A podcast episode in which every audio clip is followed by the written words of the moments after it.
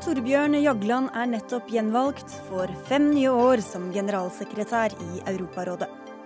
Høyere fartsgrenser gir mindre kø, mener Frp, stikk i strid med hva forskerne hevder. Høyere skatt for dem som tjener mye, og tak på statlige lederlønninger. Slik vil SV bekjempe forskjeller i samfunnet. Bakpå og feilslått, innvender Arbeiderpartiet. Og røsk opp i gubbeveldet krever bookingagent, som vil at kvinnene skal kvoteres inn i musikken. Kunst og kvotering hører ikke sammen, svarer Høyre.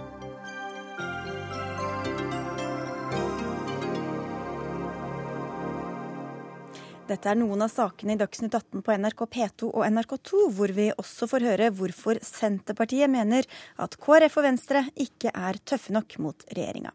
Jeg heter Sigrid Solund.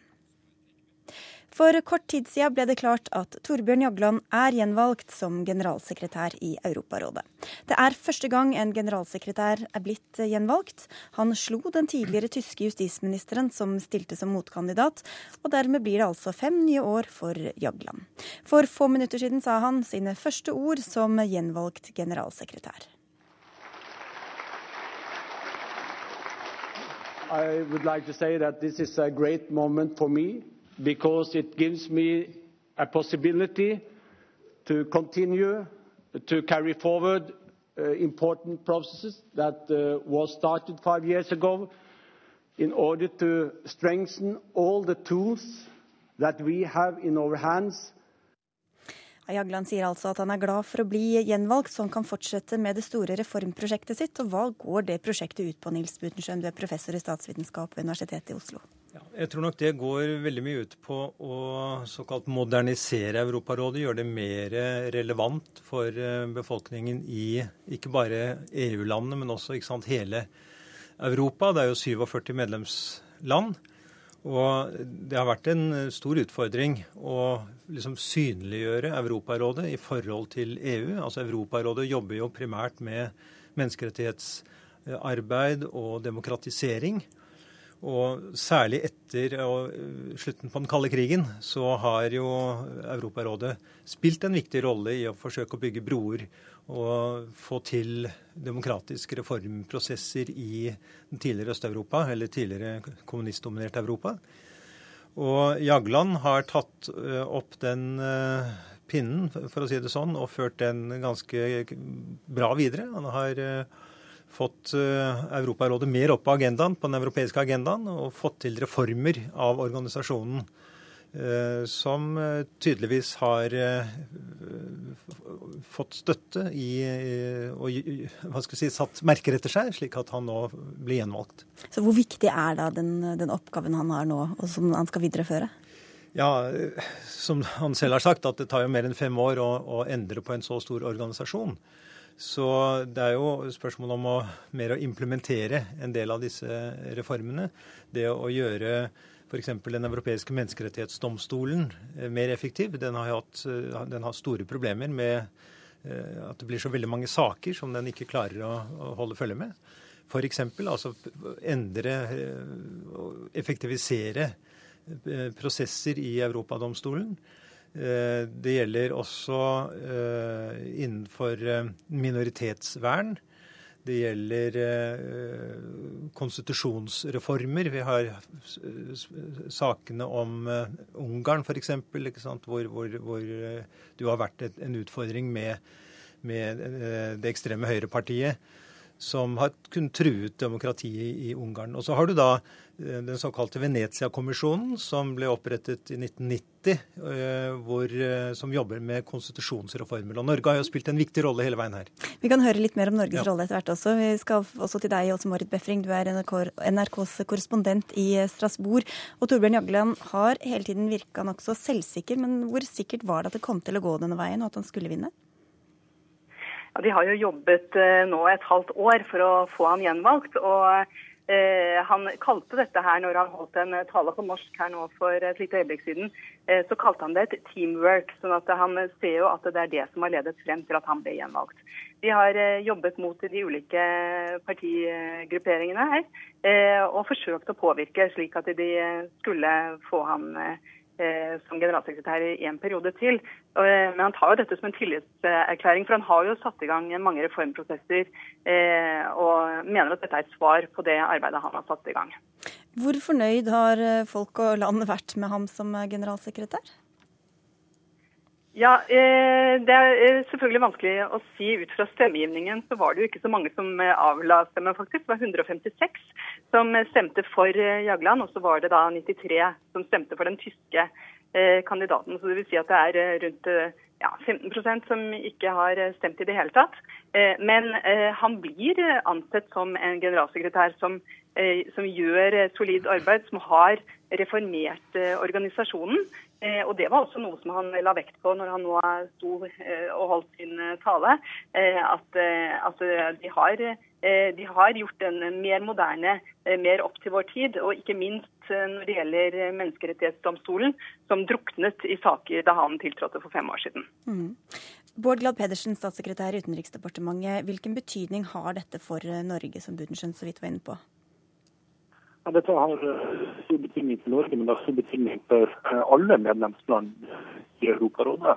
I dag er det grunn til å gratulere Torbjørn Jagland. Han har fått best støtte til det arbeidet han har gjort, og et mandat til å videreføre reformarbeidet som han har igangsatt. Men det er også grunn til å gratulere medlemslandene. Ja, det at vi har en effektiv generalsekretær som kan uh, drive arbeidet med å promotere menneskerettigheter, demokrati og rettsstat.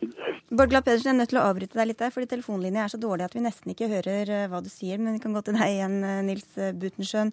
Um, Norges forhold til, til, Europarådet. Vi er jo som kjent ikke med EU, men hva slags forhold har vi til, til Europarådet?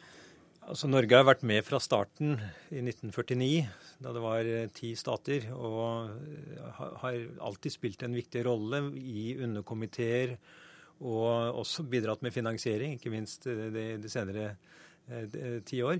Så eh, Norge har nok en ganske sterk posisjon i Europarådet, og norske parlamentarikere har jo vært aktive medlemmer både der, og norske jurister har vært aktive i Menneskerettsdomstolen og, bidratt til å utvikle den. Så, og, og, også da i det som jeg var inne på, Venezia-kommisjonen, hvor Norge har eh, en ledende rolle. Så, eh, om konstitusjonsreformer i Europa. Så, så, Norge spiller en viktig rolle. og det, det, er jo ikke så mange posisjoner Norge har internasjonalt. Eh, og ikke minst i Europa. Eh, så, så dette er nok et, et, et, viktig område for Norge. Vi kan jo høre med deg, Bård Glad Pedersen, hvis linja er blitt litt bedre, hvordan dere i regjeringa også har jobbet for at Jagland skulle bli eh, gjenvalgt og beholde dette vervet? Det har vært et systematisk arbeid der våre ambassader i alle de 47 medlemslandene har jobba overfor landene. Der regjeringa har tatt opp Jaglands kandidatur i politiske samtaler. Og så er det ikke minst den jobben som Stortingets Eh, utsendinger til Europarådets parlamentarikerforsamling har gjort, eh, viktig for å fremme hans kandidatur. Var Jagland den beste kandidaten, vil du si, Butenschøn? Jeg kjenner ikke den tyske justisministeren. Men du har vært litt kritisk til den dobbeltrollen han har hatt? Ja, som leder altså akkurat dette at han har eh, at han opprettholdt å være leder av Nobelkomiteen ved siden av å være generalsekretær i Europarådet, det har, jeg vært kritisk til eh, fra første stund. Eh, det har jo lagt bindinger på hans rolle i Nobelkomiteen, etter min mening. Svært vanskelig f.eks. hvis å skulle gi fredsprisen til en russisk menneskerettighetsforkjemper eller reformator som er kontroversiell i Russland, når han er leder av en organisasjon hvor Russland er medlem. Eh, så, så, det har jeg, eh, det har jeg bare vært, vært, eh, ikke alene om å være kritisk til, akkurat den koblingen der. Dette er jo temaer du er godt kjent med, Bård Glad Pedersen. Hva mener du bør, bør skje videre med, med Jaglands rolle i Nobelkomiteen nå når han skal fortsette her? Det er det Arbeiderpartiet som må ta stilling til. Det har ikke vært en del av vår vurdering i det å fremme han som kandidat. Vi mener at han har gjort en, en viktig og god jobb i Europarådet, og har derfor ønska å støtte hans kandidatur til gjenvalg I den tida som vi er i Europa i dag, ikke minst knytta til situasjonen i Ukraina, så er det å ha en generalsekretær som er i stand til å jobbe konstruktivt og effektivt med medlemslandene for å få til reform innenfor rettsstat, innenfor demokrati, innenfor menneskerettigheter, viktig. Jeg har i dag vært i møter med representanter for myndighetene her i Kiev som uoppfordra tar opp at de er spent på valget i dag, fordi at eh, Jagland har spilt en viktig rolle for Ukraina og har en viktig rolle i det videre arbeidet også her. Så nå blir det feiring eh, der borte, Åse Marit Befring? Ja, det gjør det helt klart. Nå skal de til eh, ambassadeboligen, og så skal de feire utover kvelden. Og så blir det også en stor samling med alle parlamentarikerne i morgen kveld. Takk skal du ha for at du var med i Dagsnytt 18. Tusen takk også til Nils Butenschøn og til deg, Bård Glad Pedersen. Dagsnytt 18 alle hverdager kl 18.00 på NRK P2 og NRK2.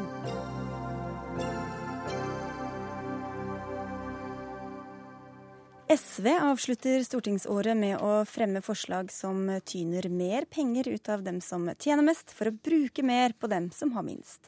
Oppskriften lyder innføre tak på statlige lederlønninger, et nytt trinn for toppskatten og arbeide for en internasjonal formuesskatt. Med andre ord ta de rike, eller hva, Audun Lysbakken? Det vi ønsker oss, er å ta et opp oppgjør med den ulikhetsutviklingen som vi nå er i ferd med å få i Norge, og som vi ser internasjonalt, og som det er grunn til å bekymre seg veldig over. Vi er i ferd med å få en klasse av superrike mennesker som uh, lever i uh, en egen sfære, veldig atskilt fra de livene vanlige folk lever. og jeg uh, tror faktisk det er veldig negativt for vårt samfunn. Fordi det som gjør et samfunn godt å leve i, det er tillit, det er samhold. Eh, og store forskjeller er gift for eh, den følelsen av at vi eh, har et fellesskap som alle tilhører, og som alle har forpliktelser overfor. Og så er det selvfølgelig sånn at den andre siden av forskjellsutviklingen, den andre siden av de superrike, det at andre mennesker får mindre hjelp, at andre mennesker henvises til fattigdom. og Derfor så må vi stoppe stoppe den utviklingen vi nå har med skattekonkurranse mellom land, eh, med galopperende lederlønninger, eh, som gjør at noen drar ifra resten. Og Hvor mye må du da tjene for at du skal definere folk inn i denne andre sfæren, og dermed skatte mer, ifølge deres opplegg? Altså, vi har lagt fram noen konkrete forslag uh, i dag, som vil være da, det stikk motsatte av det som skjer i Norge i dag, der ulikhetene gjennom regjeringens skattepolitikk øker. Uh, vi må sette en stopper for den lønnsgaloppen som er blant uh, topplederne. Ja, så Hvor mye skal du da tjene for at dere vil at de skal betale mer i toppskatt? Vi, ja, det vi har foreslått er to veldig konkrete ting. Et eh, lederlønnstak tilsvarende det statsministeren eh, tjener eh, i offentlig sektor og statseide selskaper. Og statsministerlønnen er i dag 1,5 million pluss noen andre godtgjørelser. Eh, og så eh, ønsker vi at et trinn tre i toppskatten skal slå inn på omtrent samme nivå, altså 1,5 million. Sånn at vi også vil sørge for at det blir mindre fristende med svære eh, økninger i lederlønnene i privat sektor. Bare et kort spørsmål da, eller et kort svar i hvert fall. Hvor mye vil du da sitte igjen med per krone etter at du hadde tjent en halvannen million. Så det er klart Du vil få en eh, kraftig skatteskjerpelse på de eh, siste kronene. Hvor mye sitter du igjen med? Ja, Det betyr jo at, eh, at, fellesskapet vil ta inn litt over halvparten i hvert fall av det du, det du sitter igjen med. Og det, det mener jeg jo vi er, er, er rimelig, for du vil få en utvikling der Litt mer enn halvparten, men hvor mange øre, spurte jeg. Ja, hvor mange øre? Jeg har ikke det, jeg har ikke det eksakte tallet på det, men, men, det er klart at, eh, at prosentsatsen på de siste Det kommer jo an på hvor vi setter satsen, men vi har antydet en sats mellom 20 og 25 som da kommer på I tillegg. Mm. Marianne Martinsen, du er finanspolitisk talsperson i Arbeiderpartiet. Hva syns du om den oppskriften? Altså, jeg deler jo langt på vei SV sin analyse av utviklinga i, i, forskjellssamfunnet og kritikken av den linja som regjeringa har lagt seg på. Som dere også blir kritisert for, bare for å si det, siden dere, de andre ikke er her. Ja. Men, men altså, vi, vi, deler jo SVs engasjement for reduserte forskjeller. og jeg må si at Noe av det som jeg er mest stolt over at vi faktisk fikk til gjennom de åtte årene som vi satt sammen med SV i regjering, det var jo at vi klarte å redusere inntektsforskjellene. Det var, det var en ganske formidabel eh, prestasjon, gitt utviklinga i så å si alle land rundt oss hvor det har eksplodert. Og det skjedde jo fordi at vi faktisk tok grep om skattepolitikken og gjorde en hel del skal ikke gå teknisk inn på detaljene her, men gjorde en hel del grep som, som gjorde at f.eks. SSB i fjor konkluderte med at skattesystemet anno 2013 i Norge var klart mer omfordelende enn skattesystemet anno 2005. Men. Men. Eh, det grepet som foreslås nå, med tredje eh, trinn i toppskatten, er jo ikke veldig nytt. Altså, vi har diskutert lignende ting før. Eh, det er i og for seg lett å ha sympati for det, men det som er problemet med det, er jo at da får du tilbake den situasjonen hvor du får veldig mye høyere marginalskatt. Vi snakker 80% altså, hvis det er 20-25. Marginalskatt, det er hvor mye du betaler for den siste for krona. den siste krona, ikke sant? 80 Uh, og at den blir veldig mye høyere enn marginalskatten på kapital. Og Det var jo noe av det som var problemet før vi tok grep sammen med SV i 2006. Uh, at, uh, at, du fikk enorme tilpasningsmuligheter i skattesystemet fordi at den store forskjellen lå der. Eh, og jeg er ikke så sikker på at vi vil få inn så veldig mye mer skatteinntekter med dette forslaget, rett og slett fordi at de som sitter på de aller høyeste inntektene, da i mye større grad vil prøve å kamuflere sine arbeidsinntekter som kapitalinntekter. Og da har du ikke nådd særlig langt. Det er en veldig lite effektiv måte å skattlegge på. Og Hva er da poenget, Lysbakken? Det er riktig at marginalskatten vil bli eh, høy. Så kommer det litt an på akkurat hvor vi setter satsen. og Det skal vi eh, komme tilbake med helt konkrete forslag med til, til høsten. Men det er jo også noe av hensikten. fordi hvis vi skal kombinere et lederlønnstak i det offentlige, få kontroll på lederlønnsgaloppen der. Men hvis, hvis poenget forsvinner fordi folk slutter å ta inntekten som inntekt og heller tar det, altså kamuflerer det, som Marianne Martinsen sier? Altså, jeg mener det er mulig uh, å skape et skattesystem som begrenser mulighetene for det. Uh, og vi skal legge fram uh, helhetlige forslag på det. Jeg, jeg tror sånn, Den skattereformen som kom i 2005, deler av den stemte vi imot, gikk for langt i å tilpasse seg den skattetilpasningen de rikeste hadde drevet med. og har ikke bidrar til gode nok løsninger på forskjellsproblemet. Jeg deler Marianne sin stolthet over at vi faktisk klarte å, eh, å, få til omfordelende grep i skattesystemet. Men likevel så må vi, hvis vi virkelig skal ta et oppgjør med ulikhetsutvikling i norske samfunnet, tørre å gå mye kraftigere til verks. Og da mener jeg vi ikke må begynne med hva er vanskelig med å skattlegge de rikeste hardere, men hvordan gjør vi det? Eh, og dette forslaget her må jo være noe som kombineres med andre grep. Vi har lagt fram tre i dag. Så kommer det flere til høsten.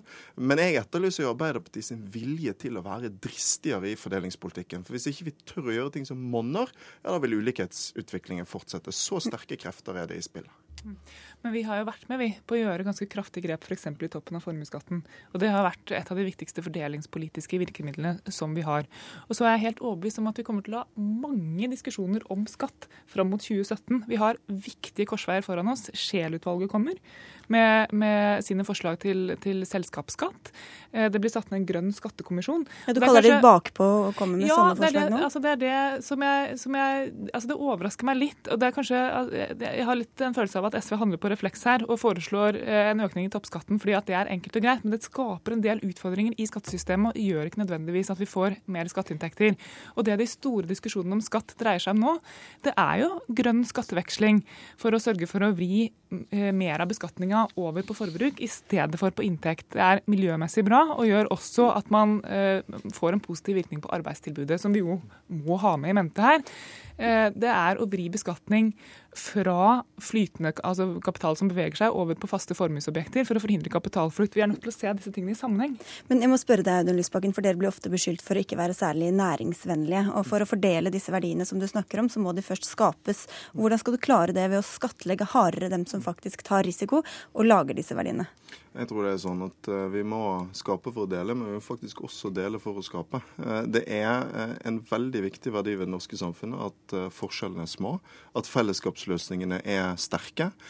Og nettopp det er noe av det som gjør at folk tør å ta sjanser i Norge. At vi har et samfunn som både skaper verdier for, for den enkelte og for fellesskapet. Jeg tror ikke det er sånn at eh, det er astronomiske lønninger på toppen som må til for at folk verken skal tørre å satse eller tørre å ta ansvar. Men hvor rettferdig, hvor rettferdig tror du det føles da, hvis du jobber tolv timer i døgnet, og så skal du betale 80 skatt eh, på den, men, men, det du tjener når du kommer opp i en halvannen million? Men spørsmålet er jo sant? Er det virkelig sånn at vi trenger et samfunn med stort rom for at mange skal tjene veldig mye mer enn statsministeren?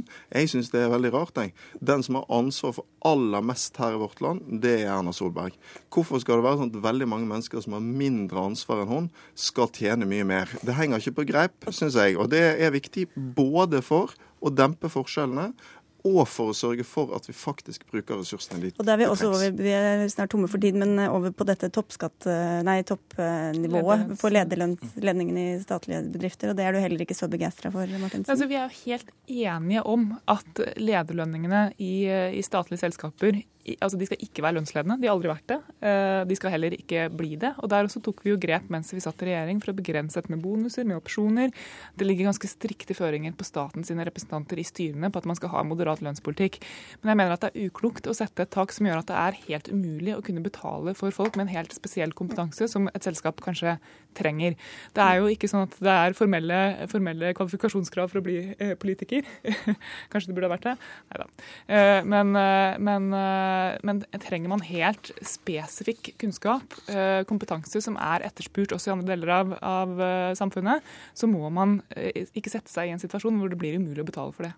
Belgia har faktisk innført et tak, i tråd med det vi foreslår, riktignok noe høyere. Men min motutfordring til Arbeiderpartiet vil være ja, vær gjerne mot våre forslag, både når det gjelder toppskatt og tak på lederlønninger, men hva vil vi gjøre da? For det må bli slutt på denne evige moraliseringen over økende forskjeller og lederlønnsgalopp. Og så sitter alle partiene på Stortinget unntatt oss og vil ikke gjøre noe. Det er vår utfordring tilbake. Men vi har jo redusert forskjellene sammen gjennom de siste åtte åra.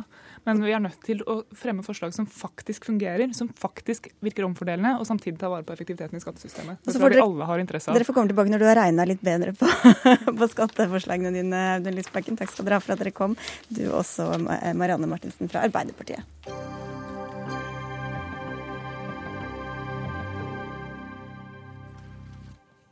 Om litt her i Dagsnytt 18 spør vi hvorfor du slipper å betale moms hvis du kjøper en elbil, mens det ikke er momsfritak for elsykler. Men før den tid skal vi til en annen sak, skjønt vi holder oss i trafikken. For høyere fart på bilveiene kommer til å gi mindre kø og mer effektiv trafikkavvikling. Det mener i hvert fall Fremskrittspartiet. De har ivret lenge for økte fartsgrenser, og i regjering har de åpnet for 110-grense på enkelte veistrekninger. Men økt fart gir ikke mindre kø, ifølge Transportøkonomisk institutt, der du er assisterende direktør Kjell Werner Johansen. Hva vet vi om sammenhengen mellom kødannelse og fartsgrenser? Vi vet det at eh, når køen eh, er saktegående, så hjelper det ikke med høyere fartsgrenser. Eh, det her er eh, noe som det er svært god kunnskap om på verdensbasis. Det er noen fysiske lover her som sier at bremselengden på en bil som kjører i 60 km i timen, den øker med kvadratet av hastigheten. Og Det betyr at når bilene kommer opp i en hastighet over 60 km i timen, så begynner gjennomstrømningen, antall biler du kan få igjennom på et felt på en vei i løpet av en tidsperiode, å synke. Så der det er mye trafikk? Eh, trafikkvolumet det får du igjennom på en veistrekning når trafikken går jevnt i 60, kanskje 70, opp mot 70 km i timen. For Hva skjer da hvis du setter opp fartsgrensen eh, der, når det er veldig mye trafikk? Da begynner mange å øke avstanden til bilen foran. Og det øker uh, i, i, i, i, meter, sånn at de tar mer veiareal. Så blir det propper når du begynner da, å bremse? og... I neste omgang så vil jo dette her, vil jo sjåførene vi er jo litt forskjellige, så når vi varierer litt på dette her, og med en gang en da trykker på bremsepedalen, så vil bilen bak bremse, og bak der igjen, og så er det en som bremser litt, eh, litt mer, og noen bremser litt mindre, og så blir det en sånn strikk der som gjør at eh, hvis det er noen hundre biler bakover, en sånn oppbremsing, så kan faktisk eh, trafikken stoppe helt opp. Hans Andreas eh, Limi, du er stortingsrepresentant fra Fremskrittspartiet. Hva slags undersøkelser har dere gjort på konsekvensen av forslaget om økte trafikk og økte fartsgrenser? Ja, det er, det er, gjort grundige forarbeider når regjeringen nå gjennomfører en økning av fartsgrensene på firefelts motorvei, altså på de nye strekningene gjennom Vestfold, Østfold, og forhåpentligvis også så blir det flere etter hvert. Uh, men nå snakker vi om de litt andre E6. strekninger, f.eks. gjennom Asker og Oslo? Jo, men det er, det er, først og fremst uh, på firefelts motorvei, altså ny motorvei som har kapasitet som er dimensjonert til en høyere fartsgrense. Eh, vi vet at det blir en bedre eh, trafikkflyt. og Det er veldig viktig å fokusere på trafikkflyt, fordi det som er utgangspunktet i dag, det er jo at det er mange som tøyer fartsgrensene litt. Men Da går det ofte litt i rykk og napp. Nå vil de da på, på disse strekningene på motorveien kunne kjøre hjem til 110. Og så er det noen som ligger litt i underkant. De vil kanskje fortsatt ligge litt i underkant av uh, fartsgrensen, men det er bedre, og de forsinker mindre hvis de ligger litt under 110 kontra litt under 100. Så i sum så får du en bedre effektivitet og en bedre trafikkflytt. Men der hvor det er, altså på de firefelts motorveiene så er det jo sjelden veldig mye kø. Der hvor det er mye kø i dag, så har dere også tatt til orde for å øke fartsgrensene? Ja, fordi hvis du øker fartsgrensene, så, så øker du også kapasiteten. Eh, og da får du en bedre gjennomstrømning. Hva mener du med at du øker kapasiteten? Nei, for du får en større gjennomstrømning av biler. Eh, og jeg tror nødvendigvis ikke det er slik at man eh, varierer så veldig mye avstanden til bilen foran avhengig av, av eh, farten. Eh, men man må selvfølgelig tilpasse uh, kjøringen og avstand og hastigheten i forhold til, til vei- og, og føreforhold. Så det er klart under normale trafikkforhold så får du en raskere og større effektivitet hvis du øker eh, fartsgrensen eh, fra det nivået som det ligger på i Norge i dag. Hva viser praksis om dette, da? Eh, ja, eh, Livi har nok rett i det, at du raskere, kan komme raskere fram med høyere fartsgrenser. Men du får ikke økt kapasiteten. Du får ikke økt trafikkgjennomstrømningen på en veilenke hvis du øker hastigheten til 110 km i timen. Så det er eh, svært godt uh, dokumentert og lar seg vel bevise. Dette her er uh, ja, godt etablert kunnskap. Men det kan være andre, andre, andre gode grunner til å øke, øke fartsgrensene. Ja, så uh, det, er, det, er, flere gode grunner til å øke fartsgrensene. fordi i Norge så har vi veldig lave fartsgrenser sammenlignet med bl.a. våre naboland uh, og resten av Europa. Men bare nevne et eksempel. Altså, uh, Beregninger viser at den økningen som gjennomføres nå gjennom Vestfold, fra 100 til 110 Uh, alene gir en samfunnsøkonomisk gevinst på nesten 50 millioner kroner Men nå snakker vi om litt forskjellige ting her, gjør vi ikke det? Jo, men, men, det har en sammenheng. fordi at da får man en samfunnsøkonomisk gevinst på nesten 50 millioner kroner i året. Uh, og det er fordi at man sparer tid.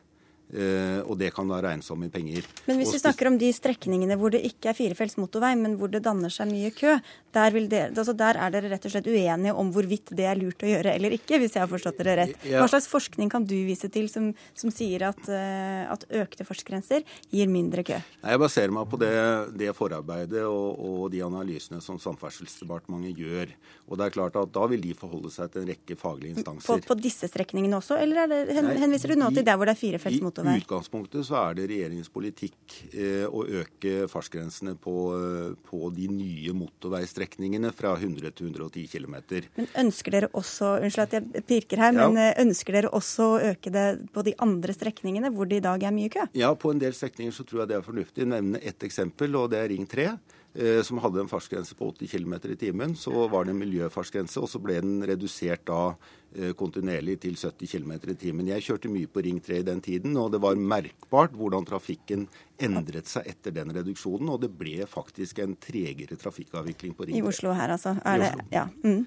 Jeg kjører på Ring 3, og det har jeg gjort tre-fire ganger i uka i en, en del år nå, i rushtida. og den, den, varierer nok framkommeligheten veldig mye, men så skal vi også huske på det at store deler av Ring 3 har vært et anleggsområde i mer enn ti år, altså rundt Sinsenkrysset. Og det er jo også en vei som vel i stor grad er et veikryss og ikke en, ikke en en, en motorvei eller landevei. Men, men, men, erfaringene fra andre land, da? Hva, hva sier de om dersom man øker eller setter ned fartsgrensene? Vi har jo, mange Flere byer i verden har jo variable fartsgrenser hvor man setter ned fartsgrensen i rushtiden for å nettopp få bedre gjennomstrømming. Og da i Gøteborg eh, i 2012 så innførte man variable fartsgrenser. og Satte ned eh, fartsgrensen på de store veiene fra 90 til 60 km i timen i rushtiden, og fikk bedre framkommelighet og større trafikkgjennomstrømning per time. Så bortsett fra Ring 3-erfaringene dine, hva er det dette er det gode erfaringer ja. på. Ja. Men, men, jeg har bare lyst til å understreke at det er jo,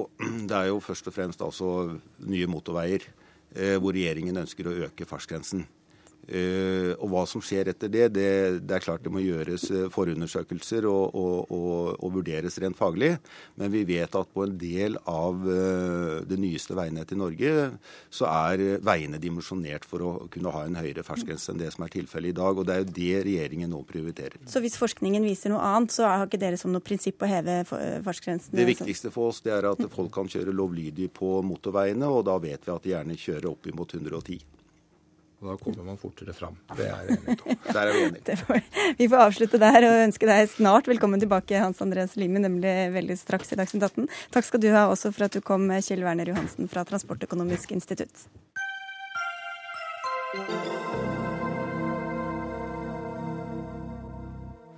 Kristelig Folkeparti og Venstre stemmer mot egen politikk og er for snille mot regjeringa. Det sier flere toppolitikere i Senterpartiet til Nasjonen i dag. KrF og Venstre valgte å være støttepartier i stedet for å bli en del av regjeringa etter valget i fjor, men blir altså nå beskyldt for å være for lojale. Og hvordan er de det, Marit Arnstad, du er parlamentarisk leder i Senterpartiet? Ja, det er egentlig to ulike eh, områder, for å si det sånn. Det ene er jo den økonomiske politikken. Der har jo eh, Venstre og KrF en klar samarbeidsavtale med regjeringa, eh, som de er bundet av. Eh, og, og, der er nok hovedproblemet, sånn som jeg ser det, at ja, altså Det de på en måte legger fram som seire der, det er jo egentlig ikke så veldig mye seire, men det er heller reversering av negative utslag av uh, det Høyre og Frp foreslår. Hvilke saker tenker du på da? Jo, da tenker jeg på når vi har sett budsjettsaker, så har vi sett kutt i både distriktspolitiske virkemidler og forhold til permitteringsregelverk og andre ting, så kommer jo KrF og Venstre tilbake og har forhandla inn en del av det som Høyre og Frp har, har tatt ut. Det er i og for seg, altså, og, det, og det framstilles som seire, og det syns jeg nok kanskje er litt overdrevet. fordi det handler jo egentlig om å forhandle tilbake negative utslag uh, av Høyre og Frp sin politikk. Men i tillegg til det så har vi i vår hatt en rekke saker i Stortinget som jo egentlig ikke handler om uh, mer penger til ting, men som handler om mer prinsipielle spørsmål eller ting som angår regelverk. Og der er Senterpartiet litt skuffa over at KrF og Venstre gang på gang uh, er med veldig langt på kritiske merknader, eller uh, langt på å begrunne forslagene, og så bøyer de av akkurat når du kommer til diskusjonen om å skape et flertall for selve vedtaket. Det gjelder f.eks. priskontroll på landbrukseiendommer, der jo KrF og Venstre er med på å si at det er uryddig det regjeringa gjør, men de vil ikke være med på et forslag om å uh, oppheve det rundskrivet som uh, Sylvi Listhaug har sendt ut.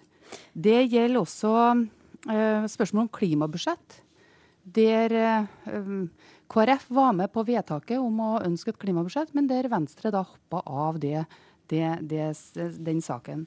Mm. Det gjelder også spørsmålet om fylkeskommunen og regionale nivå, der Venstre fremma et forslag som de jo senere gikk vekk ifra, altså sitt eget forslag, da det viste seg at det forslaget var i ferd med å få et flertall.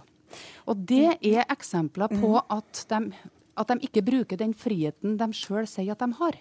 Da får vi I, høre med dem, ved å ikke gå inn i regjering. Ja, vi får høre med dem sjøl. Begynner med deg, Ola eh, Olag Bollestad. Du er eh, stortingsrepresentant for Kristelig Folkeparti. Hvor mye kjenner du deg igjen i denne kritikken fra Arnstad? Nei, altså Jeg syns det er litt spesielt å sitte og diskutere dette fra et parti som nettopp har gått ut ifra i regjering og så de åtte år, eh, hvor KrF og Venstre var vel de som opplevde å få lite gjennomslag, for alt var bestemt på i regjeringspartiene i disse åtte årene. Og vi hadde ingen gjennomslag til faktisk å møte en regjering som eh, vi har en samarbeidsavtale med, det er helt riktig, men som òg tar våre, eh, det vi sier på alvor, og som lytter til og er med og tar avgjørelser sammen med. Og så syns jeg faktisk òg at det er en lite konstruktiv debatt. Nå er vi tre sentrumspartier da. KrF eh, og Venstre og Senterpartiet som kunne brukt muligheten i der vi er nå. Senterpartiet ute av regjering. KrF og Venstre, ja, med en samarbeidsavtale, men samtidig har vi hatt en gyllen mulighet til faktisk å bygge det som er sentrum. Fordi vi har en mindretallsregjering som gjør at de er avhengig av å komme til Stortinget. Og da er det faktisk sånn at istedenfor å skyte hverandre i føttene, så burde vi faktisk mye mer ha jobba sammen enn det vi gjør. Og da utfordrer jeg òg Senterpartiet til å komme med forslag gjerne litt fortere enn en, en dagen før, som f.eks. Eh, skjedde med, med, syriske flyktninger, som på en måte ble en sånn en halvliten snubletråd. Mm. på en måte, sant? Å ta de debattene over i god tid. så vi, eh, vi, skal, vi skal skippe til Arnstad igjen. også. Vi skal bare høre fra deg også, Ola Elvestuen. Du er nestleder i Venstre. Er det sånn at dere er for lojale mot regjeringa, også der dere egentlig er uenige? Vi har en samarbeidsavtale med regjeringa, og det er det som er grunnlaget for det som er et borgerlig flertall som skal styre landet. Og vi sitter godt i en maktposisjon.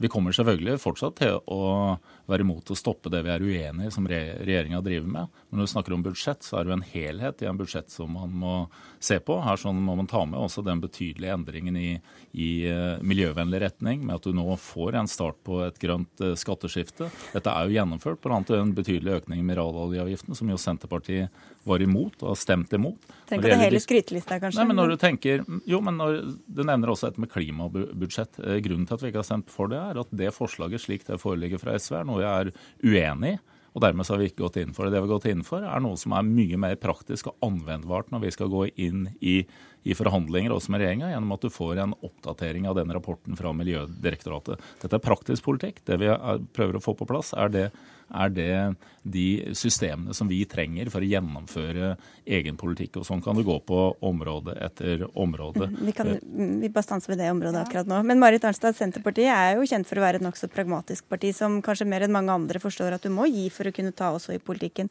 Hvorfor skal ikke KrF og Venstre gjøre det samme? Jo da, altså det er klart jeg har all respekt for at de har inngått en eh, samarbeidsavtale med regjeringa, eh, som da særlig gjelder innenfor økonomisk politikk. Eh, men det må være lov å reflektere litt over den sesjonen som vi nå har lagt bak oss. Og også det jeg mener er sentrums De mulighetene som glapp da, for sentrum til faktisk å utvikle politikk sammen. Og, og, Det gjelder først og fremst områder som ikke er omfatta av økonomisk politikk. Altså, vi har et eksempel til. spørsmålet om å redusere bruken av palmeolje i, i landbruket, i fôr og, og i matvarer. Der hoppa KrF av. Det hadde ikke kosta en krone eh, økonomisk å være med på et sånt forslag. Det er et godt sentrumsforslag. Men hvis de bare men, er uenig i sak, da, hvorfor skal de ikke stemme imot da? Ja, men altså da er spørsmålet, Er virkelig KrF uenig i det? At du skal redusere bruken av palmeolje? Det tror jeg ingenting på. For de har jo på en måte vært ut sjøl og vært kritisk til det spørsmålet når det kom opp. Og så har du spørsmålet om oljefond og det å ta oljefondet ut av køl. Der jeg syns de erstatte en mulighet til å få et reelt flertall i Stortinget med en utredning. Jeg bare sier at Vi kan ikke diskutere alle sakene, men vi bare nett... Men få lov å snakke ferdig. For det de, det, men det, det, som, det som da skjer, er at de erstatter muligheten til å få et reelt flertall i Stortinget med en utredning der de jo lar regjeringspartiene få lov å sette premissene for den saken. Må, må bare, dere, alle må snakke litt kortere av gangen. Ja, men poenget er jo at når man tar utgangspunkt i den maktsituasjonen som er i Stortinget Maktsituasjonen er at du har, et, du har et borgerlig flertall for Venstre, og sånn er det for KrF. Det som er, hoved, det som er hovedgrunnlaget for den, er, er, i samarbeidsavtalen den legger til grunn. Som stopper oljeboringen Lofoten, Vesterålen og Senja, skal, for, skal forsterke klimaforliket etc. Deretter er det selvfølgelig budsjettarbeid i åra framover. Og i budsjettarbeidet nå så måtte vi gjøre endringer på et rød-grønt budsjett. Vi hadde, vi hadde, kort tid, men det var et veldig godt anslag. Vi hadde større, grønnere skatteskifte enn det du har hatt på åtte år. Og så er det det Marit Arnstad er opptatt av, er enkeltforslag som kommer i Stortinget. Det skal vi også ja. bruke, men det er ikke der de toneangivende endringene i disse årene kommer til å være. Det kommer ut fra den maktposisjonen jo. som Venstre og KrF sitter i. Og hvis vi skal gå inn i enkeltsakene her, så er det flere av disse her. Ja, det er ikke så, en, det er ikke så enkelt som Marit Arnstad ut, ja. Så dere stemmer mot det dere er mot, og for dere for det dere er for, sier du? Ja, og vi har en strategi på hvordan vi skal gjennomføre det. Men, men hvis vi ser, det gjør de ikke. Marit, hvis vi ser, så har jo Senterpartiet gjort akkurat det samme. Gå f.eks. til tiggerforbudet. Hvem var det som sikra den blå-blå regjeringa at det ble et tiggerforbud i vårt land, eller skal iallfall eh, bli den lokalt bestemmelse? Hvem var det som gjorde det, faktisk? Hvem er det som har gjort dette i forhold til snøscooterkjøring? Så jeg må jo bare stille seg selv spørsmål. Derfor så skulle jeg ønske at Senterpartiet òg hadde kosta for sin egen dør. Og så hadde vi faktisk kunnet gjort ting sammen uten å sitte og skyte. Det tror jeg hadde blitt mye mer konstruktivt. Og så har vi en samarbeidsavtale som vi ønsker å være lojale til. Men det betyr ikke at vi ønsker å stemme mot det vi er imot, og for, eller mot det vi er for. Eh, vi ønsker faktisk å fullføre begge deler. Men den typiske den typiske sentrumsposisjonen når du ikke sitter i regjering, det er at du faktisk kan bruke din, den friheten til å skape flertall begge veier. Ja, og det jeg, opplever med, det, det jeg opplever med Venstre Det er ikke bare at de stemmer mot det dere er for, da? eller? Mm.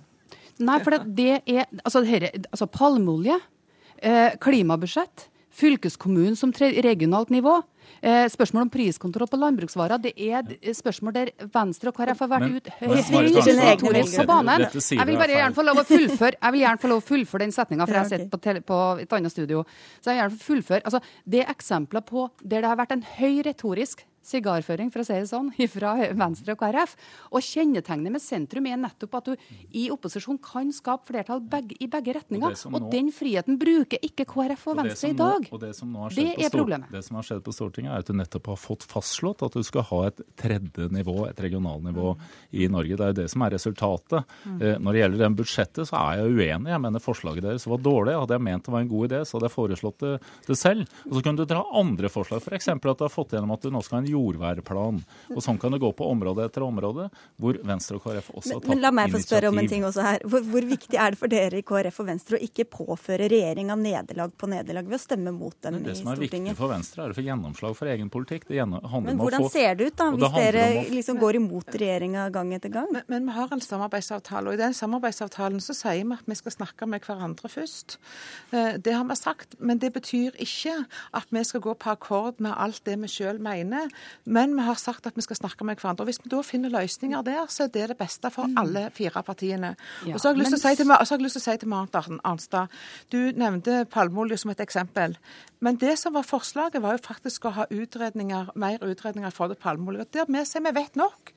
Vi vet det direktivet som kommer. Vi vil at det skal være merking av, av, av matvarer med palmeolje. Vi ønsker det skal være mindre eh, bruk av dette i fôr. Så det du sier at vi ikke vil være med på deres forslag, det tror jeg faktisk programlederen har rett i. Men det betyr ikke at vi er for palmeolje, og det vet du veldig godt.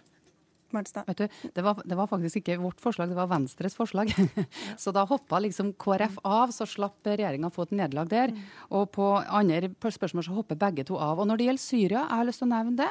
For jeg synes Bollestad, der er, du, der er du ikke helt oppriktig, syns jeg. For vi la fram et forslag etter at den høykommissæren og, og Amnesty har henvendt seg til norske myndigheter. Så la vi fram et forslag.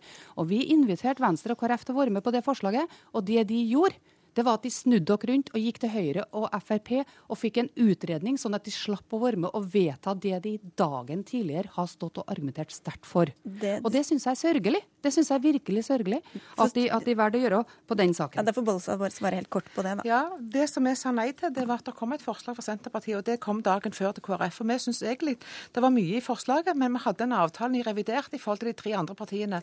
Og så har jeg lyst til å si til Marit Arnstad, det som lå i det forslaget, var at dere vil ta inn mer, eh, altså flere av alvorlig syke, men dere ville ikke øke kvoten. Sånn at det, to, det totale tallet på antall flyktninger fra Syria ville være det samme, men dere ville ta inn de som var alvorlig syke. Det var det du sa. Og det var den, den saken. Kommer, ja, jeg, skal, jeg, skal, stille et spørsmål til Ola Elvestuen også. Hvor, hvor, fristende er det å gå sammen med Senterpartiet og utvikle sentrumspolitikk eh, når de kommer med sånne du, Det de har gjort i vår, frister jo ikke. Og da gjelder jo særlig det at de nå går aktivt inn for at det skal bli forbudt å spørre om penger i, dette landet. Det tiggerforbud-saken deres og standpunktet er virkelig noe som opprører. Eh, og det opprører at de, de, er villige til å gå den, den, veien. Ellers så er dette Vi vil bygge videre på de avtalene som vi har. Og så er det klart at budsjettene kommer til å være veldig viktige. Og budsjettet som kommer til høsten, kommer til, kommer til å, å, måtte få en innretning som skal sette tonen og retningen for landet i åra framover. Så, så skal vi legge fram forslag der, der andre partier ønsker å være enige med oss, om det er Senterpartiet eller det er andre. Så skal vi selvfølgelig få det igjennom i Stortinget og bruke den stortingspolitikken posisjonen som vi sitter i. Jeg tror at et, et, trekk vi kommer til å se, et trekk vi kommer til å se, i tillegg til den manglende uh, viljen til å bruke den friheten de har til å skape flertall i begge retninger, det er også at jeg tror at vi kommer til å se at Venstre i større grad er det enkeltvise partiet som på en måte redder Høyre og Frp i Stortinget, mens KrF får lov å slippe løs i flere saker. Det ser vi allerede på flere av de Dokument 8-forslagene som er lagt fram. Vi er nødt til å avslutte, men det høres ut som det var en ekstra appell til deg, Bollestad. Ja, nei, altså KrF vi ønsker faktisk å bygge sentrum. Vi ønsker at det skal ligge politisk tyngde i det. Og vi har gått inn med i Dokument 8-forslag sammen med, med, Senterpartiet, for vi ønsker faktisk å bygge også et sentrum. Mm. Vi får uh, slutte der. Og Venstre skal sørge for å gjennomføre Venstre. ja, takk skal du ha. Ja, og vi skal sørge for å bygge venstre, sentrum også i Senterpartiet. Senterpartiet. Da får vi avslutte med en sånn halvgod stemning. Takk skal du ha, Marit Arnstad, for at du var med fra Trondheim. Og, eller, ja, og eh, Olaug Bollestad fra KrF, og til Ola Elvestuen fra Venstre. Hør Dagsnytt 18 når du vil. Radio NRK Radio.nrk.no.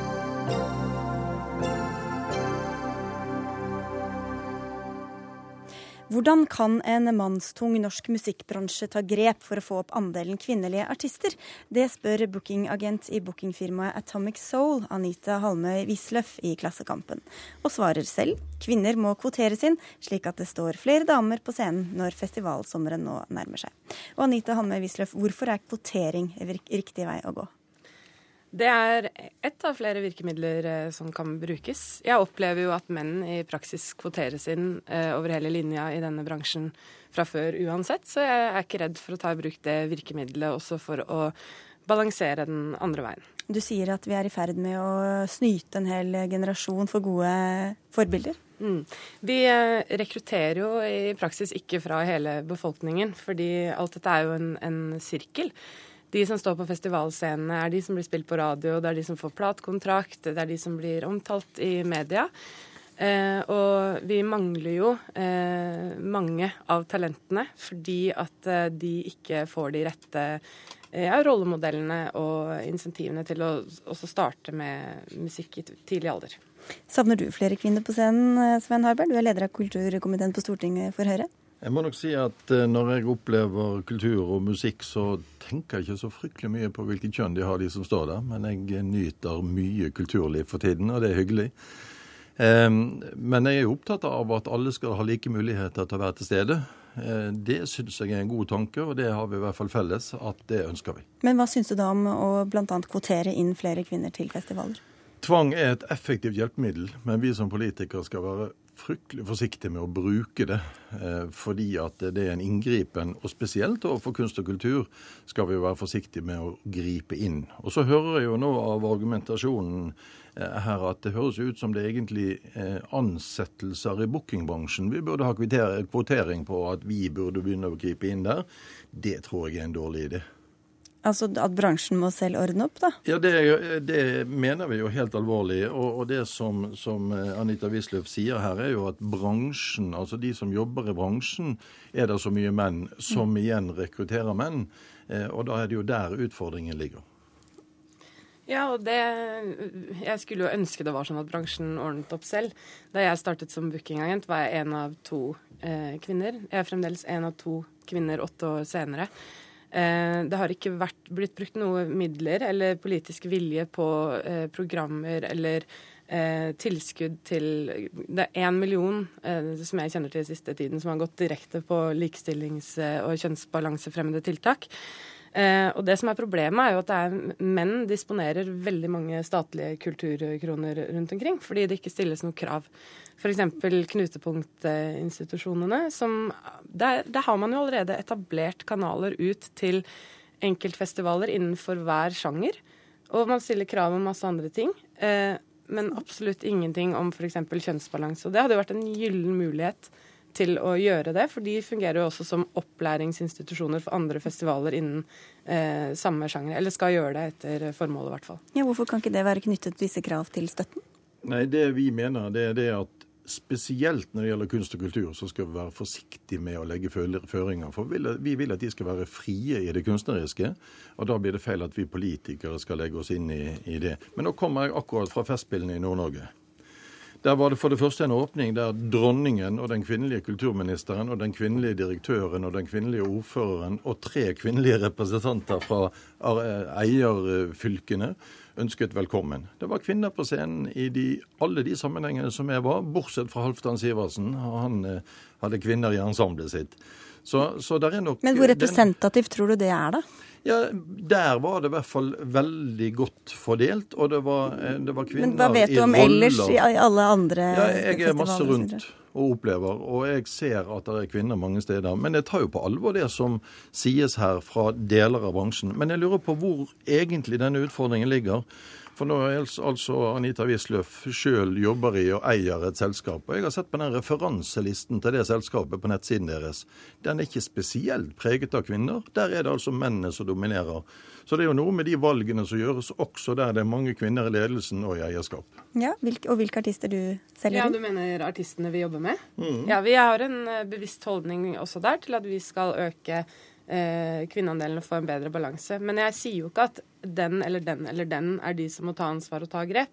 Jeg mener jo det er et uh, felles ansvar, men jeg mener at det er visse steder man kan starte for å bryte den unge sirkelen. Men hvorfor Fordi, ikke starte med dere selv, da? Jo, det, og det skal vi også gjøre. Men jeg, jeg mener bare at um, når du sier at man skal være spesielt forsiktig innen kunst og kultur, Eh, jeg opplever musikken som en ekstremt mannsdominert bransje. Det er det. Det er 10 av de som booker på festivaler eh, og eh, klubber, er kvinner. Kun 10 og man, man, driver hele tiden og snakker om kvalitet som et begrep, men noen sitter jo på definisjonsmakta til det begrepet. Og det er i stor grad menn, både i media, på festivalene, i eh, de som velger ut hva som skal spille på radio, eh, osv. Og, så og det syns jeg er synd, for jeg tror at kvinner har en tøffere vei fram. Og hvis ikke det har gått så mye framover med kvinnerepresentasjonen, hvorfor, da, hvorfor, kan du da fortsatt stole på at alt skal ordne seg sjøl? Jo, fordi at jeg ser at noen gjør grep og får det til. Eh, Anita har sjøl referert til Turi Birkeland i Rikskonsertene, som har satt seg mål og fått det til med at det er flere kvinner med. Men dere vil ikke sette mål for andre? Det. Nei, det må de gjøre sjøl. Eh, og det kan de da tydeligvis gjøre, men alle må jo bidra. Og det er det jeg sier, også bookingagentene må jo da bidra til å plukke fram de gode kvinnelige artistene som er der, og de tror det er en god del av. Ja, det, det, måtte en kvinne til da i Rikskonsertene før de tok det grepet og bestemte at det skulle være en viss balanse av hva den oppvoksende generasjon får oppleve på sine skolekonserter. Og det er jo spennende. Jeg tror, hun, jeg tror hun fikk litt motbør eh, fra en del menn på det. Og så bare helt til slutt. Det, det, er jo sånn i dag at vi gir barn akkurat like muligheter, enten de er jenter eller gutter. Og det er jo et viktig bidrag for oss politikere i hvert fall. Og så kan det jo godt hende at vi møtes igjen i dette studioet neste år. Vi skal ikke se bort fra det. Takk skal dere ha for at dere kom også i år, da kan vi vel si.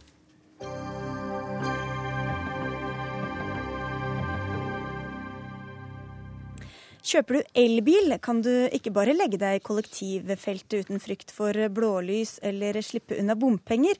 Du trenger heller ikke betale moms. Nå bør det samme momsfritaket gjelde for elsyklene, mener bl.a. Miljøpartiet De Grønne, der du er nasjonal talsperson, Hilde Opoku. Og hvorfor vil dere det?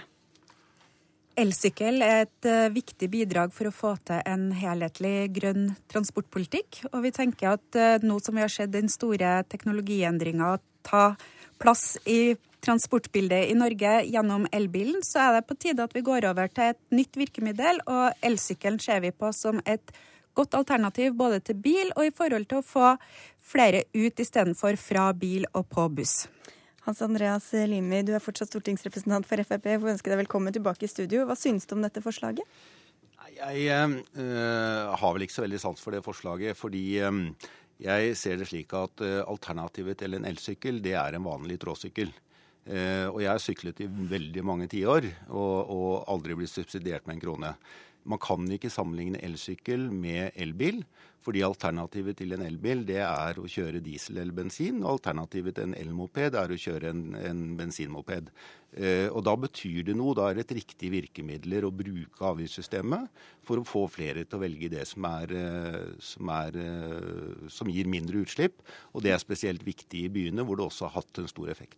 Hvordan, eller hvorfor skal elsykler få fordeler som vanlige sykler ikke får, enda de er både sunnere og mer miljøvennlige? Opoku? det er en misforståelse, det som blir sagt her om at det her er en konkurrent til sykkelen. Det som elsykkelen vil gjøre, er jo nettopp å løse noe av den problematikken som var her tidligere i forhold til kødannelse. Nå Riktignok var diskusjonen eh, knytta opp mot høyere hastigheter. Eh, men med en elsykkel så tar du faktisk bilene ut av køa og skaper mer plass til annen transport. Så elsykkelen, sånn som vi foreslår det i forhold til et momsfritak, det er å erstatte bilene. Og vi vet at det er flere som faktisk kunne tenkt seg å brukt elsykkel, men som ikke kunne tenkt seg å brukt en vanlig sykkel. Så Derfor så mener vi at dette er et viktig bidrag opp imot biltransport og ikke mot sykkel. Men vil dere ha momsfritak for sykler også, da? I dag så er det jo ikke et behov for å få flere til å kjøpe vanlig sykkel. Og vi kommer til å eh, jobbe for at sykkelbruken og elsykkelbruken er knytta til to forskjellige holdningsstrategier. Sykkel er knytta opp imot eh, trim og transport for mange.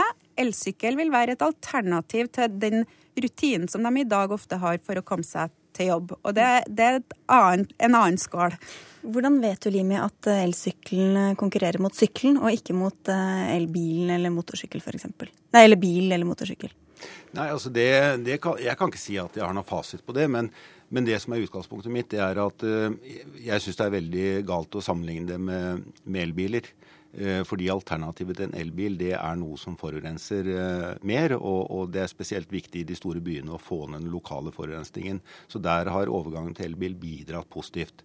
Når det gjelder elsykkel, så tror jeg at det vil være eh, veldig feil å, å, innføre et komplisert system med momsfradrag eh, for elsykler. Eh, man, skal ikke, man, skal ikke, gjøre for mange unntak i det momssystemet vi har i dag.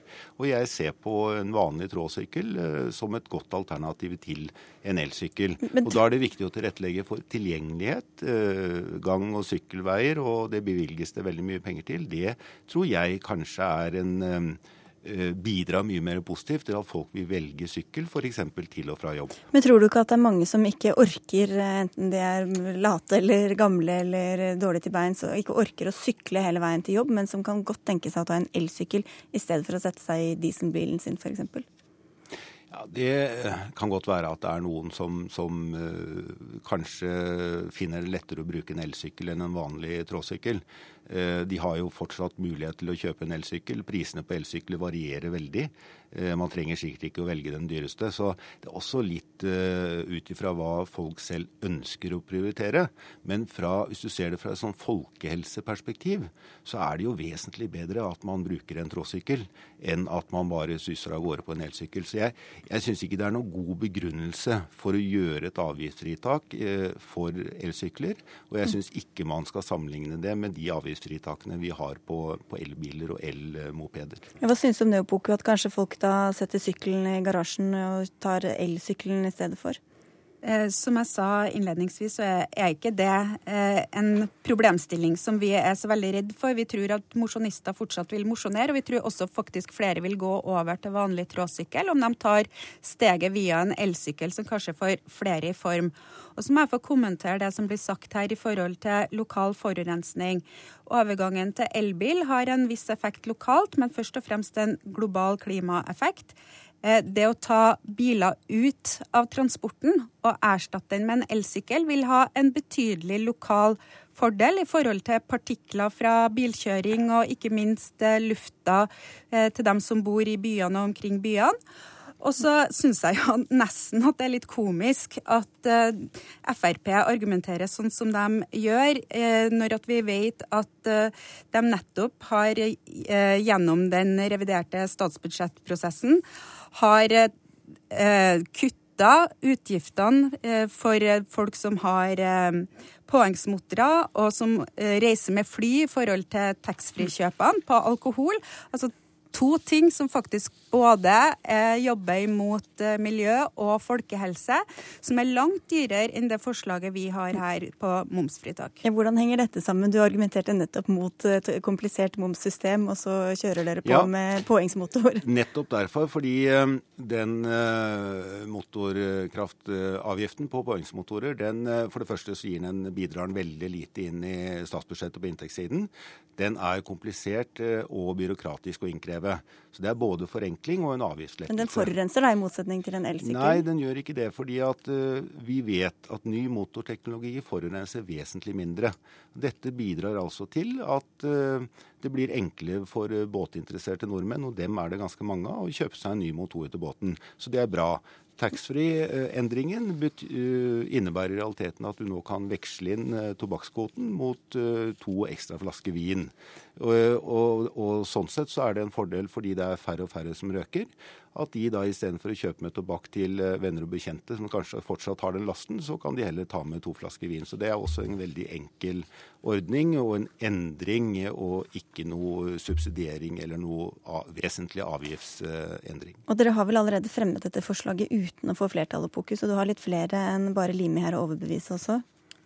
Ja da, men vi har fremma mange gode forslag som vi foreløpig ikke har fått flertall for. Men det vi eh, kan konstatere etter et drøyt halvår eller ett år på Stortinget, er jo at eh, det er veldig mange som har begynt å snakke om de tingene som vi er opptatt av og som vi løfter frem. Så vi regner med at dette her også er en sak som flere vil eh, slutte seg til etter hvert.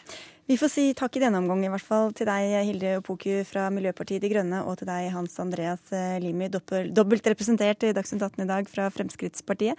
For denne sendinga er over. Det var Ida Tune Øritsland som eh, produserte den. Det var Karl Johan Rimstad som var tekniker, og jeg heter Sigrid Elise Solund.